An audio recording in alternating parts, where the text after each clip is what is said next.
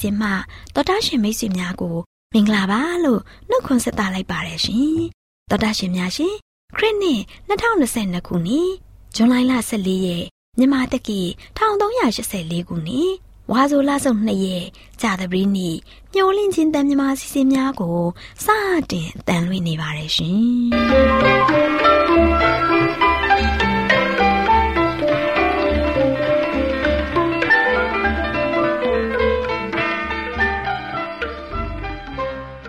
တော်တာရှင်များခင်ဗျာမျော်လင့်ခြင်းအတန်မြန်မာအစီအစဉ်ကိုနနက်6နာရီမိနစ်30မှ9နာရီအထိ16မီတာ kHz 10653ည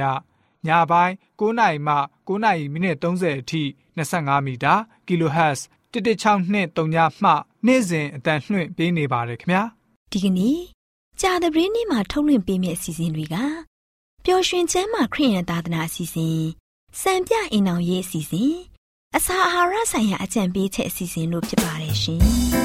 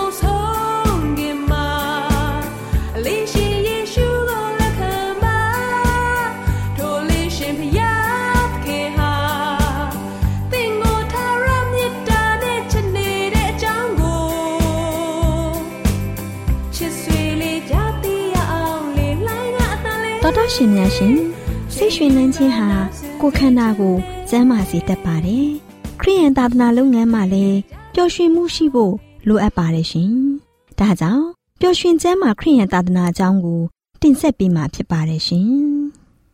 ။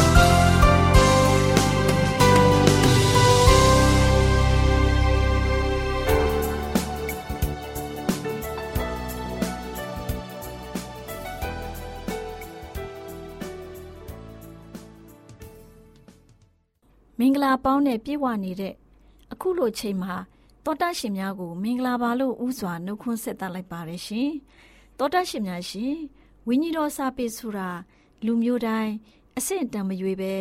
ကျမ်းမာရေးလူမှုရေးပညာရေးဘာသာရေးတိုးတက်မြင့်မားရေးအတွက်လမ်းညွန်သွန်သင်ပေးနိုင်တဲ့အမှုမြတ်ဆုံးစာပေလို့ပြောနိုင်ပါတယ်ဒါကြောင့်ပျော်ရွှင်ကျမ်းမာခရိယန်သာသနာဆိုတဲ့ဝိညာဉ်စာပေရဲ့လမ်းညွန်သွန်သင်ချက်ကို ကျမအနေနဲ့မုံငါးလုံးဖြင့်လူအုပ်ကြီးအားကျွေးခြင်းဆိုတဲ့အကြောင်းနဲ့ပတ်သက်ပြီးတင်ပြပေးမှာဖြစ်ပါတယ်ရှင်။သောတာရှင်များရှင်ပင်လေကမ်းခြေမှာ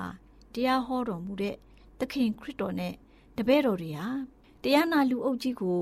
တိုးဝေးလျက်ရှိပြီးရှင်းလင်းလွယ်ကူစွာ နားလည်နိုင်တဲ့ယေရှုခရစ်တော်ရဲ့တရားတော်ဟာသူတို့အဖို့ဂိလပြီမှပယုတ်စီလိုရင်ကိုငိမ့်စေခဲ့တဲ့ကိုတော်ရဲ့လက်တော်နဲ့ ဖျားနာတဲ့သူတွေဟာယောဂါတွေပျောက်ကင်းခဲ့ပါတယ်လူအုပ်ကြီးအဖို့အဲ့ဒီနေ့ဟာဒီလောကကြီးမှာထူထောင်ထားတဲ့ကောင်းကင်နိုင်ငံတော်လိုဖြစ်ပြီးမိမိတို့တစ်နေ့လုံးဘာမှမဆရသေးတာကိုတော့မှတတိမရတော့ပါဘူးနေလုံးကြီးဟာဝင်လူဆဲဆဲဖြစ်ပေမဲ့လူအုပ်ကြီးဟာမပြန်သေးပါဘူးနောက်ဆုံးတော့တပည့်တော်တွေဟာကိုတော်ထံမှာချိကပ်ပြီးလူအုပ်ကြီးကိုပြန်ခိုင်းဖို့လျှောက်ထားကြပါတယ်။တချို့သူတွေဟာ ဝေးလံတဲ့အရဒေသများမှရောက်ရှိလာပြီးတနေ့ကုန်ဘာမှမစားရသေးပါဘူး။ဒါကြောင့်ပတ်ဝန်းကျင်မှာရှိတဲ့ရွာတွေမှာစားစရာရရှိဖို့ပြန်ခိုင်းကြပါတယ်။ဒါပေမဲ့ယေရှုခရစ်တော်ကသူတို့စားစရာတင်တို့ပေးကြလော့ဆိုပြီးတော့မိန့်တော်မူတဲ့အခါမှာဖိလိပ္ပုကဒီလောက်ကြီးမားတဲ့လူအုပ်ကြီးကိုကြည့်ပြီးအစာကျွေးဖို့မဖြစ်နိုင်တာကိုတွေးတောလျက်ရှိပြီးဒီလူတို့ကိုမှုတ်တစ်ဖက်စီစေအောင်ဒေနာရိအပြား200ဘိုးထိုက်တဲ့ မုံမလောက်ပါဘူးလို့ပြန်ပြီးတော့ရှောက်တယ်ယေရှုခရစ်တော်ကလည်းဒီလူအုပ်ကြီးမှာမုံဘလောက်ရှိတာကိုမေးမြန်းတဲ့အခါမှာအန်ဒရေအမည်ရှိတဲ့တပည့်တော်ကမုံငါးလုံးနဲ့ငါးကလေးနှစ်ကောင်ပါတဲ့လူငယ်တယောက်ရှိပါတယ်ဒါပေမဲ့လည်းဒီလောက်များတဲ့လူတို့ဟာအဲ့ဒီမုံငါးလုံးနဲ့ငါးနှစ်ကောင်ကိုဘယ်လိုလောက်မှလဲလို့ပြန်ပြီးလျှောက်တယ်ယေရှုခရစ်တော်ကဒီမုံတွေကိုယူစေပြီးတပည့်တော်တွေကိုလူအုပ်ကြီးကိုမျက်ခင်းပြင်မှာ အဆုလိုက်နေရာချစေပါတယ်။နောက်ပြီးယေရှုရှင်ဟာမုံကိုယူပြီးတော့ကောင်းကင်ဘုံကိုမျှော်ကြည့်တယ်။မုံအပေါ်ကိုကောင်းကြီးသက်ရောက်စေပြီးမုံကိုဖဲ့တယ်။တပည့်တော်တွေကိုပေးပြီးတော့တပည့်တော်တွေကနေတဆင့်လူအုပ်ကြီးကိုဝေပေးကြတယ်။လူအုပ်ကြီးဟာလည်းဝဝလင်းလင်းစားကြပြီးမုံအကျိုးအပဲ့12တောင်းကိုကောက်သိမ်းနိုင်ခဲ့ပါတယ်။ယေရှုခရစ်တော်ဟာမိမိရဲ့တကိုးတော်နဲ့အဲ့ဒီလောက်အော့ဖွင့်မှုကို ပြုတ်ပြီးတော့လူအုပ်ကြီးကိုအစာကျွေးခဲ့ပါတယ်။ဒါပေမဲ့အင်ပတမရိုးစင်းတဲ့ဂါလိလဲပြည်သားတငါသည်တွေရဲ့နေ့စဉ်အစားအစာကိုသာစားစေခဲ့ပါတယ်။သခင်ခရစ်တော်ဟာတထေးတချွယ်တွေရဲ့အစားအစာတွေနဲ့အဲ့ဒီလူအုပ်ရဲ့တဏှာလောဘကိုဖြစ်စည်းဖို့ဖန်ဆင်းတော်မူနိုင်ပေမဲ့ဒီအံ့ဘွယ်အမှုပြုခြင်းဖြင့်ရိုးသားစွာနေထိုင်မှုသင်ခန်းစာကို ပြတော်မူခဲ့ပါတယ်။ဒီနေ့လူသားတွေဟာရိုးသားစွာနဲ့တဘာဝတရားနဲ့အညီ အာဒံနဲ့အေးဝလိုနေထိုင်ကြမယ်ဆိုရင် လူသားတရက်လုံးရဲ့လိုအပ်ချက်တွေအတွက်အလုံးအလောက်ရှိနိုင်ပါတယ်။ဒါပေမဲ့လည်းအစာကျူးပြီးတကူကောင်းဆန်တဲ့ကြင်ကြံမှုတွေကြောင့်တချို့လူတွေမှာများစွာပိုရှံပြီးတချို့လူတွေကြတော့ချို့တက်တယ်။အပြစ်ကျူးလွန်ခြင်းနဲ့ဝမ်းနဲ့ပူဆွေးခြင်းတွေဒီနေ့တိုင်တိုးပွားလျက်ရှိပါတယ်။လောကစည်းစိမ်တတ်မဲ့တဲ့လောဘစိတ်ကို ဖြစ်စည်းပေးခြင်းဖြင့်ယေရှုရှင်ဟာ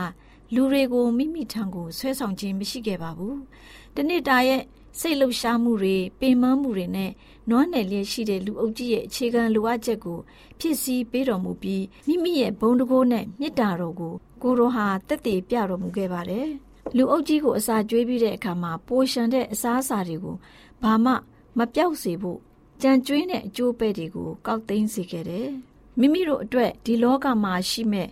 ဘယ်အရာကိုမှ ဆုံးရှုံးခြင်းမရှိစေဘဲလူသားတွေရဲ့အကျိုးကိုကျမတို့လစ်လူရှုခြင်းမရှိစေရပါဘူးဒီလောကမှာအစာငတ်လျက်ရှိတဲ့သူတွေကိုကူညီဖို့ကျမတို့ဟာအရာရာကိုသိမ်းဆဲဖြန့်ဝေရမှာဖြစ်တယ်ထိုနည်းတူပဲကောင်းကင်နိုင်ငံတော်မှလာတဲ့မုံတီးဟူသော ကိုတော်ရဲ့နှုတ်ထွက်စကားကိုလည်းတန်ဖိုးထားပြီးဝိညာဉ်ရေးအစာငတ်လျက်ရှိတဲ့သူတွေကိုဖြန့်ဝေရမှာဖြစ်ပါတယ်။ကျမတို့ဟာကိုတော်ရဲ့နှုတ်ထွက်စကားအဖြစ်အသက်ရှင်ပြီး ကျမတို့ရဲ့ထာဝရကယ်တင်ခြင်းနဲ့ဆိုင်တဲ့ကိုရောရဲ့မိမ့်မာတော်မူချက်တခုမှဆုံရှုံခြင်းလိလူရှုထားခြင်းမရှိစေရပါဘူးအဲ့ဒီမုံနဲ့လူအုပ်ကြီးကိုကြွေးမွေးခြင်းဟာအံ့ဩပွေဖျားသခင်ကို အမြဲပဲမိခိုအားထားဖို့ညွန်ပြနေပါတယ်။သခင်ခရစ်တော်ဟာ ဒီလူ9000ကိုအစာကျွေးတဲ့အခါမှာအစားအစာတွေအထံတော်မှာမရှိခဲ့ပါဘူး။ရရှိဖို့အခွင့်အလမ်းလည်းမရခဲ့ပါဘူး။ယောက်ျား9000အပြင်အမျိုးသမီးတွေခလေးတွေပါဝင်ပါတယ်။အဲ့ဒီလူအုပ်ကြီးဟာဖိတ်ခေါ်ခြင်းမရှိဘဲကိုရောရှိတဲ့နေရာမှာစုဝေးကြပြီးခရိယန်တရားတွေကိုတနေကုန်ကြားနာပြီးတဲ့အခါမှာအစာငတ်လျက်ရှိတဲ့ပင်မနေကြတဲ့အကြောင်းကိုကိုရောဟာသိမြင်တော်မူပါတယ်။နေဆောင်ပြီးရှိတဲ့အချိန်မှာအိမ်ကနေ ဝေးလံစွာလာတဲ့လူအမြောက်အများဟာအစားအစာတွေကိုဝယ်စားဖို့ငွေမရှိကြပါဘူး။ဒါကိုယေရှုရှင်ဟာတည်တော်မူပြီးရက်ပေါင်း40မြတောအရမှာဒီလူတွေအတွက်အစာရှောင်ခဲ့တဲ့သခင်ဟာဒီလူအုပ်ကြီးတွေကိုအစာမစားရဘဲအိမ်ကိုပြန်ဖို့အလိုမရှိခဲ့ပါဘူး။ဖခမီးတော်ရဲ့အလိုတော်ကိုသိဖို့အဲ့ဒီအခြေအနေမှာရင်ဆိုင်နေရတဲ့အတွက်သခင်ခရစ်တော်ဟာဖခမီးတော်ကိုသာအားကိုးတော်မူခဲ့ပါတယ်။ ကျမတို့လည်းအခက်ခဲတွေနဲ့ရင်ဆိုင်ရတဲ့အခါမှာဖျားသခင်ကိုသာအားကိုးရမယ်။ဒီအံ့ဩဖွယ်အမှုကိုသခင်ခရစ်တော်ဟာခမည်းတော်ထံမှရယူတော်မူပြီးတဖန်လူအုပ်ကြီးကိုတပည့်တော်မှတဆင့်ပေးတော်မူခဲ့ပါတယ်။လူအုပ်ကြီးကလည်းတူးနဲ့တူးဝေမျှစားခဲ့ကြပါတယ်။ထို့အတူပါပဲသခင်ခရစ်တော်မှာတည်ပြီးအသက်မုံကိုရရှိတဲ့သူတွေဟာလည်းတခြားလူတွေကိုတဆင့်ဖြန့်ဝေခံစားစေရပါမယ်။ တပည့်တော်တွေဟာသခင်ခရစ်တော်နဲ့လူအုပ်ကြီးအကြားမှာဆက်သွယ်ပေးခဲ့တဲ့သူတွေဖြစ်တယ်။ယေရှုခရစ်တော်ဟာသူတို့စားစရာဖို့သင်တို့ပေးကြလောလို့အမိန့်တော်ရှိခဲ့ပါတယ်။တပည့်တော်တွေကမိမိတို့ရရှိတဲ့အစာတွေကိုကိုရောထံကိုယူဆောင်လာတဲ့အခါမှာသခင်ခရစ်တော်ဟာတပည့်တော်တွေကိုမစားစေဘဲလူအုပ်ကြီးကိုပေးဝေစေခဲ့ပါတယ်။အစားအစာတွေဟာကိုရောတပည့်တော်တွေရဲ့လက်မှာပွားများလျက်ရှိပြီးသခင်ခရစ်တော်ကိုလက်ကမ်းပြီး တောင်းလျှောက်တဲ့သူတူမှလက်ပလာလက်ပလာနဲ့ပြန်ခဲ့ရတာမရှိပါဘူးဆင်းရဲနွမ်းပါတဲ့သူတွေပညာမဲ့တဲ့သူတွေနဲ့အနှိမ့်ဆက်ခံရသူတွေကိုမြင်ပြီးကျမတို့ဟာတနာပြီးအဲ့ဒီလူတွေကိုကူညီဖို့ကျမတို့မှာစွမ်းအားမရှိတဲ့အခါမှာကျမတို့ထက်ပိုပြီးအစွမ်းရှိတဲ့သူတွေအဖွဲ့အစည်းတွေကိုသာတာဝန်လွှဲပေးလိုကြပါတယ်။ဒါပေမဲ့သခင်ခရစ်တော်ကတော့သူတို့စားစရာဖို့တင်တို့ပေးကြလို့လို့ မိန့်တော်မူတဲ့အတိုင်းကျမတို့ရဲ့စွမ်းအားအချိန်နဲ့ဤပညာတွေကိုကိုရောထံကိုယူဆောင်လာဖို့လိုအပ်ပါတယ်။ကျမတို့မှာရှိတဲ့အရာတွေဟာလူထောင်ပေါင်းများစွာကိုကျွေးမွေးဖို့မလုံလောက်ပေမဲ့ လူတဦးအတွက်လုံလောက်နိုင်ပါတယ်။ဒါပေမဲ့သခင်ခရစ်တော်ရဲ့လက်တော်ကိုအနံလိုက်မယ်ဆိုရင်လူအမြောက်အများအတွက်လုံလောက်နိုင်ပါတယ်။တပည့်တော်တွေနီးတူကျမတို့မှာရှိတဲ့အရာတွေကိုသခင်ခရစ်တော်၌အနံလိုက်မယ်ဆိုရင်ကိုတော်ဟာပွားများစေတော်မူပါလိမ့်မယ်။ကိုတော်ကိုမှီခိုတဲ့သူတွေဟာကိုတော်ရဲ့ဂုဏ်ပြုခြင်းကိုခံရလိမ့်မယ်။ ကျမတို့ပေးတဲ့အရာတွေဟာလည်းပဲကြီးစွာသော စာပွဲကြီးဖြစ်ပါလိမ့်မယ်။အနှဲငယ်သောမျိုးစေ့ကိုကျဲသောသူသည်စပါးအနှဲငယ်သာရိပ်ရလိမ့်မည်။များစွာကျဲသောသူသည်များစွာရိပ်ရမည်လို့မှတ်ကြပါကိုရောရဲ့ကျေးဇူးတော်ဟာကျမတို့အတွက်အလွန်လောက်ရှိပါတယ်သောတရှင်များရှင်မုံငါလုံးနဲ့လူအုပ်ကြီးကိုကြွေးမွေးခြင်းဆိုတဲ့အကြောင်းကိုကြားနာသိရှိရခြင်းဖြင့် သောတရှင်များကိုဖျားသခင်ကောင်းကြီးပေးပြီးဝိညာဉ်ခွန်အားရရှိနိုင်ကြပါစေလို့ဆုတောင်းမေတ္တာပို့သလိုက်ပါရရှင်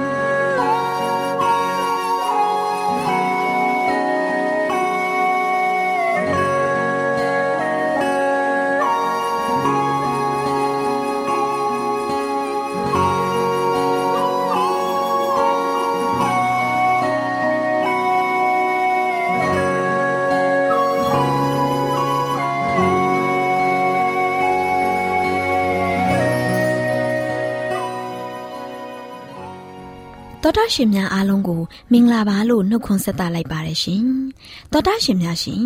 ခုချိန်မှာစံပြအိမ်အောင်ဆိုတဲ့စာအုပ်ထဲက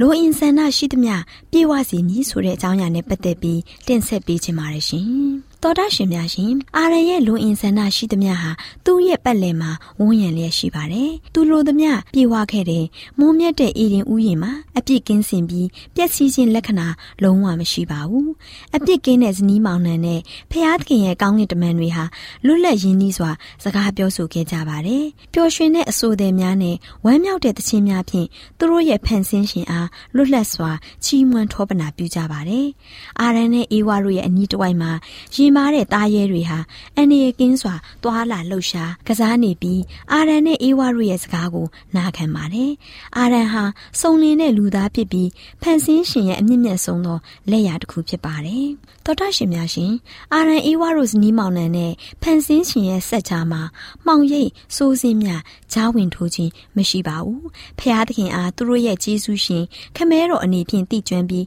အရာခတ်သိမ်းတို့မှာသူတို့ရဲ့လူအင်ဆန္ဒဟာဖျားသခင်ရဲ့အလိုဆန္ဒနဲ့ညီညွတ်ကန့်ညီလျက်ရှိပါတယ်။အာရန်ရဲ့ဇာရိတမှာဖျားသခင်ရဲ့ဇာရိတတော်ရောင်မြန်ဟက်လျက်ရှိပါတယ်။တဘာဝတရားဟာအရာဝတ္ထုတိုင်းမှာကိုရောရှင်ရဲ့ဘုန်းတော်ဟာဖော်ပြထင်ရှားလျက်ရှိပါတယ်။သောတာရှင်များရှင်ဖျားသခင်ဟာအလှပကိုနှစ်သက်တော်မူတယ်။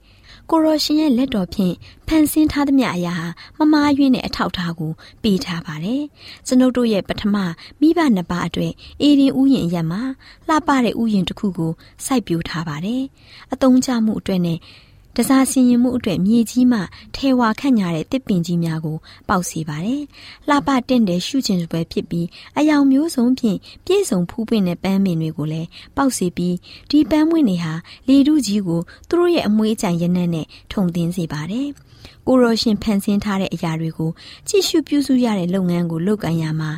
ဥယျင်၌ပေါက်နေတဲ့တစ်ပင်တွေဟာအသီးနှံများဖြင့်သူတို့ရဲ့လူအပ်ချက်ကိုပြည့်တင်းပေးရနိုင်၎င်းစိတ်ပျော်ရွှင်မှုကိုတွေ့စေရန်ဖျားသခင်ကြံရွယ်ထားတော်မူခဲ့ပါတယ်။အာဒန်ဟာအေရင်ဥယျင်ကိုကြည့်ရှုစောင့်ရှောက်ရန်အနှင်းထားတော်မူတယ်။အာဒန်ကိုအေရင်ဥယျင်အားကြည့်ရှုစောင့်ရှောက်ရန်အနှင်ထားခဲ့ပါတယ်။အလုံးမရှိဘူးဆိုရင်အာရန်ဟာပျော်ရွှင်ခြင်းမရှိနိုင်ကြောင်းဖန်ဆင်းရှင် တည်တော်မူပါတယ်။ဥယျင်နဲ့လှပတင့်နေခြင်းဟာသူ့အားပျော်ရွှင်ခြင်းကိုလုံလောက်မှုပေးပါတယ်။သူ့ရဲ့အံ့ဩဖွယ်သောကိုယ်အင်ကအစိတ်ပိုင်းများအတွက်အညောင်းအညာပြေးစီရန်လေ့ကျင့်ငန်းပြုလုပ်ဖို့ရန်လုပ်ငန်းလိုအပ်ပါတယ်။အကယ်၍အလောက်ကင်မရှိဘဲပျော်ရွှင်မှုကိုရရှိနိုင်ပါကလူဟာအပြစ်မပြုမိကပင်အလောက်အကင်လုပ်ရန်တာဝန်ပေးခြင်းကိုခံရမှာမဟုတ်ပါဘူး။ ဒါပေမဲ့လူသားအတွက်ပျော်ရွှင်မှုဟာဘယ်အရာဖြစ်ကြောင်းကိုဖန်ဆင်းရှင်သိနေတော်မူတဲ့အတွက်သူ့အားဖန်ဆင်းမိရာနဲ့တပြိုင်တည်းသတ်မှတ်ထားတဲ့အလုတ်တောင်ကိုလည်းပေးအပ်ခဲ့ပါတယ်။လူသားအား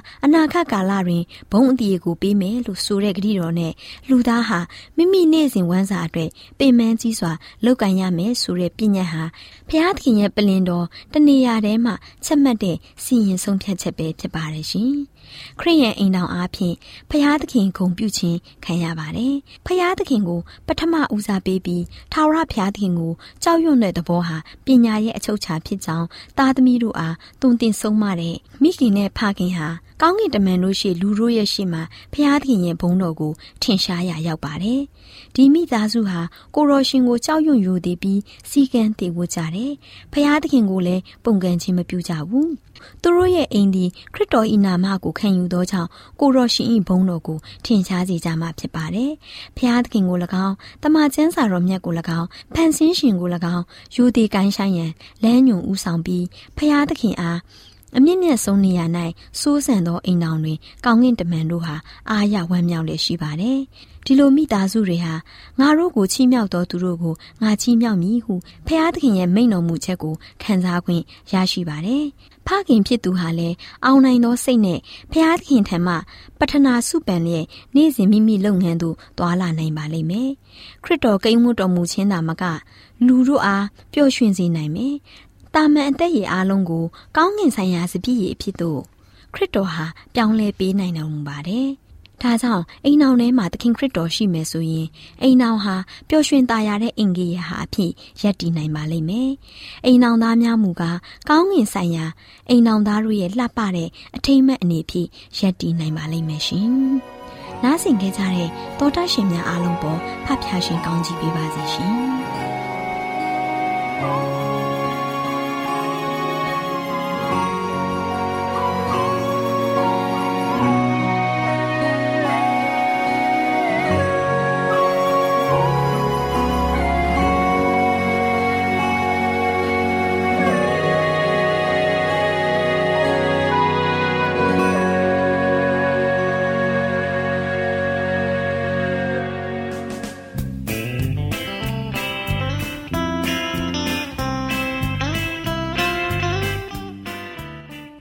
ရှင်မိတ်ဆွေများရှင်လူသားတို့အသက်ရှင်ရေးအတွက်အစာအာဟာရကိုမှီဝဲစားတောက်နေကြရတယ်ဆိုတာလူတိုင်းအသိပါပဲဒီလိုမှီဝဲစားတောက်နေကြရတဲ့အခါစားတောက်မှုမမှန်ကန်တာတွေစားတောက်မှုအချိန်မတော်တာတွေကြောင့်ကျန်းမာရေးထိခိုက်လာလို့ယောဂဗျာတွေတိုးပွားပြီးဒုက္ခဝေဒနာတွေခံစားကြရတာပေါ့ဒါကြောင့်အစာအာဟာရတွေကိုကျန်းမာရေးနဲ့ညီညွတ်အောင်ဘယ်လိုစားတောက်သင့်တယ်လဲဆိုတာသိရှိဖို့အတွက် ကျမတို့မျှဝင့်ခြင်းအတ္တမထုတ်လွှင့်ပေးမဲ့အစာအာဟာရဆိုင်ရာအကြံပေးချက်တွေကိုလေ့လာမှတ်သားကြရအောင်နော်တောတရှင်များရှင်ဒီနေ့အစာအာဟာရဆိုင်ရာအကြံပေးချက်မှာကျန်းမာရေးစီးမင်းများဤအရေးပါပုံဆိုတဲ့အကြောင်းကိုတင်ပြပေးမှာဖြစ်ပါတယ်ရှင်တောတရှင်များရှင်ဒီသတင်းစကားရဲ့အဦးပိုင်းမှာကျမတို့ကိုပေးထားတဲ့အဲ့ဒီစီးမြင်းတွေဟာအတိတ်ကာလမှာအရေးပါတယ်လို့ပဲ အခုမှလည်းအရေးပါဆဲဖြစ်ပါတယ်။တာဝန်တိတိနဲ့အရေးတယူထားသင့်ပါတယ်။အာဟာရဆိုင်ရာစီးမြင်းတွေကို လုံးဝမလိုက်လျှောက်သေးတဲ့သူတချို့ရှိနေစေဖြစ်ပါတယ်။ဒါကြောင့်အခုမှတောင်းစလားအောက်မှာဖုံးကွယ်ထားတဲ့အလင်းကိုယူပြီးသူတစ်ပားမြင်သာအောင်ထုံးလင်းကြရမှာဖြစ်တယ်။ကျန်းကျန်းမာမာနဲ့အသက်ရှင်ခြင်းဆိုင်ရာအဲ့ဒီစီးမြင်းတွေဟာကျမတို့တဦးချင်းအတွက်ပဲဖြစ်ဖြစ်လူသားတို့တရက်လုံးအတွက်ပဲဖြစ်ဖြစ် အများကြီးအကျိုးရှိလာပါတယ်။အဲ့ဒီစီမင်းအားလုံးကို အခုမှစမ်းသပ်အတည်ပြုနေကြပါပြီ။ကျမတို့ဟာခရစ်တော်ဖျားမှာနှစ်ချင်းမင်္ဂလာခံယူပြီးကြပြီဖြစ်တဲ့အတွက်ကျမတို့ကိုရုံညံ့နှိတ်ကြသွားစေမယ့်အရာအားလုံးနဲ့ကင်းကင်းရှင်းရှင်းစားတော့နေထိုင်ကြရမယ်ဆိုရင်အသက်ရှင်တဲ့ဥကောင်းဆိုတဲ့ခရစ်တော်မှာကြီးထွားလာဖို့ခွန်အားတွေကိုပေးတော်မူပါလိမ့်မယ်။ဒီပြင်မကပါဘူး ဖျားသခင်ပေးသနာမဲ့ကဲတင်ချင်းကို ကျမတို့မြင်တွေ့ကြရပါလိမ့်မယ်။ကျမ်းမာခြင်းပြုပြင်ပြောင်းလဲရေးဆိုင်ရာစီးမြင်တွေနဲ့ပတ်သက်ပြီးကျမတို့နားလည်မှုရှိတဲ့အချိန်ရောက်မှသာမှားယွင်းတဲ့အစာအာဟာရတွေရဲ့မကောင်းတဲ့အကျိုးဆက်တွေကိုပြည့်ပြည့်စုံစုံ ကျမတို့တွေ့မြင်နိုင်ကြလိမ့်မယ်။ကျမတို့ရဲ့အမှားကို တွေ့မြင်ပြီးမကောင်းတဲ့ဇယိုက်တွေကိုစွန့်ပစ်ဖို့တတ္တိရှိတဲ့သူတွေဟာပြန်လည်ပြုပြင်ပြောင်းလဲတဲ့အခါမှာဇွဲရှိဖို့လိုအပ်တဲ့အကြောင်း ရုန်းကန်ရကြောင်းတွေကို တွေ့ရှိလာကြလိမ့်မယ်။ဒါပေမဲ့သုံးဆောင်တဲ့အာဟာရတွေကိုတစ်ကြိမ်တစ်ခါစားသုံးဘူးလာလို့ရှိရင်အန်တရယ်ကင်းတယ်လို့ရခင်ကအထင်ရှိခဲ့တဲ့အဲ့ဒီအစားအစာတွေဟာအစာမကြေတဲ့ယောဂမှစပြီးတခြားယောဂတွေကိုအစပြိုးစေကြောင်းသဘောပေါက်လာကြပါလိမ့်မယ်။သောတာရှင်များရှင်မျော်လင့်ခြင်းအသင်းတော်ဟာအင်မတန်အရေးပါတဲ့အမှန်တရားတွေကိုကင်တွယ်လှုပ်ဆောင်နေပါတယ်။ လွန်ခဲ့တဲ့နှစ်ပေါင်း40မတိုင်မီကတည်းကထာဝရဘုရားသခင်ဟာအဲ့ဒီသတင်းစကားကို လူတွေကို ပေးသနာတော်မူပါတယ်။ရရှိထားတဲ့အလင်းတရားအတိုင်းလူတို့လိုက်ရှောင်နေကြပါသလား။ထာဝရဘုရားသခင်ရဲ့အကြံပေးချက်နဲ့အညီအသက်ရှင်နေထိုင်ဖို့လူတွေဘလောက်ညင်းဆူနေကြတယ်လဲ။ကျမတို့ဟာရရှိတဲ့အလင်းတရားရဲ့အတိုင်းအဆနဲ့အညီတိုးတက်ဖွံ့ဖြိုးသင်ကြပါတယ်ကျမချင်းပြုပြင်ပြောင်းလဲရေးဆိုင်ရာစီးမြင်တွေကိုလေးစားလိုက်နာဖို့ ကျမတို့ရဲ့တာဝန်သာဖြစ်ပါတယ်။ချုပ်တီးခြင်းနဲ့ဆက်လျင်းပြီးကိစ္စရပ်တွေမှာတခြားသူအလုံးထက်ကျမတို့စောစီးစွာကျင့်ဆောင်နေသင့်ကြပေမဲ့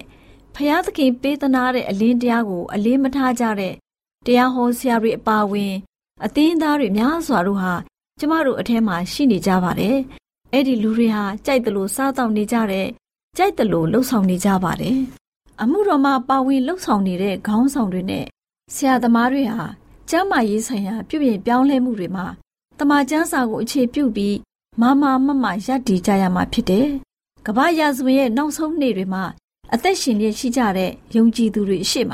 ကောင်းတဲ့ပုံသက်တွေကိုပြကြရမယ်။ထာဝရဘုရားသခင်ကိုအလုတ်အကျွေးပြုတဲ့သူများနဲ့မိမိကိုယ်ကိုအလုတ်အကျွေးပြုနေတဲ့သူများအကြမှာထင်ရှားတဲ့ခြားနားမှုတစ်ရပ်ကိုဖော်ပြကြရမှာဖြစ်ပါတယ်ဆိုတဲ့အကြောင်းကို အစာအာဟာရဆိုင်ရာအကြံပေးချက်ခန္ဓာမှာ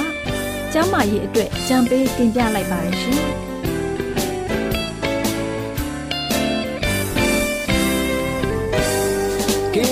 ရှုံချတတ်တဲ့ဘောတွေဖေရှားပါအာနဲ့ချမ်းသာတွေ့ရှိခဲ့ခြင်းမြတ်တဲ့ပါသာဖြူလူနဲ့နေရအစင်တမခွေချပဲတွေ့ချင်သူသူကို တော့ပြန်စင်ထားနဲ့လမ်းရှာပဲကဲရဲ့ရှောင်းချတဲ့တဘောတွေဖယ်ရှားမှာအားနဲ့ချမ်းသာတွေ့ရှိခဲ့စဉ်မြင်သိမှာအသာဖြူလူမဲ့နေရစံတမခွေချမဲ့တွေ့ချင်တူတူကိုတော့ပြန်စင်ထားနဲ့လမ်းရှာပဲ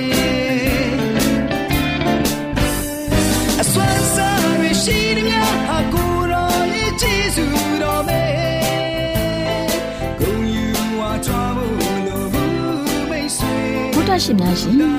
ကျမတို့ရဲ့ဓာတ်ရိတ်တော်စပေးစာရေးသင်တန်းဌာနမှာအောက်ပါတင်ဒားများကိုပို့ချပေးလျက်ရှိပါတယ်ရှင်တင်ဒားများမှာဆိဒ္ဓတုခရှာဖွေခြင်းခရစ်တော်၏အသက်တာနှင့်တုန်တင်ခြင်းများတဘာဝတရားဤဆရာဝန်ရှိပါကျမ်းမာခြင်းနှင့်အသက်ရှိခြင်းသင်နှင့်တင့်ကြမာရေးရှာဖွေတွေ့ရှိခြင်းလမ်းညွန်သင်ခန်းစာများဖြစ်ပါရဲ့ရှင်တင်ဒားအလုံးဟာ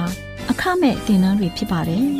ဖြစ်ဆိုပြီးတဲ့သူတိုင်းကို ဂုံပြုလွှာချင်းမြင့်ပေးမှာဖြစ်ပါတယ်ရှင်တော်တာရှင်များခင်ဗျာဓာတိတော်အတန်းစာပေးစာယူဌာနကိုဆက်သွယ်ခြင်းနဲ့ဆိုရင်တော့ဆက်သွယ်ရမယ့်ဖုန်းနံပါတ်ကတော့39 656 296 336နဲ့39 98 316 694ကိုဆက်သွင်းနိုင်ပါတယ်။ဒါ့အပြင်တော့အတန်းစာပေးစာဥထာဏာကိုအီးမေးလ်နဲ့ဆက်သွယ်ခြင်းနဲ့ဆိုရင်တော့ L A L R A W N G B A W L A @gmail.com ကိုဆက်သွင်းနိုင်ပါတယ်။ဒါ့အပြင်တော့အတန်းစာပေးစာဥထာဏာကို Facebook နဲ့ဆက်သွယ်ခြင်းနဲ့ဆိုရင်တော့ S O E S A N D A R Facebook အကောင့်မှာဆက်သွင်းနိုင်ပါတယ်။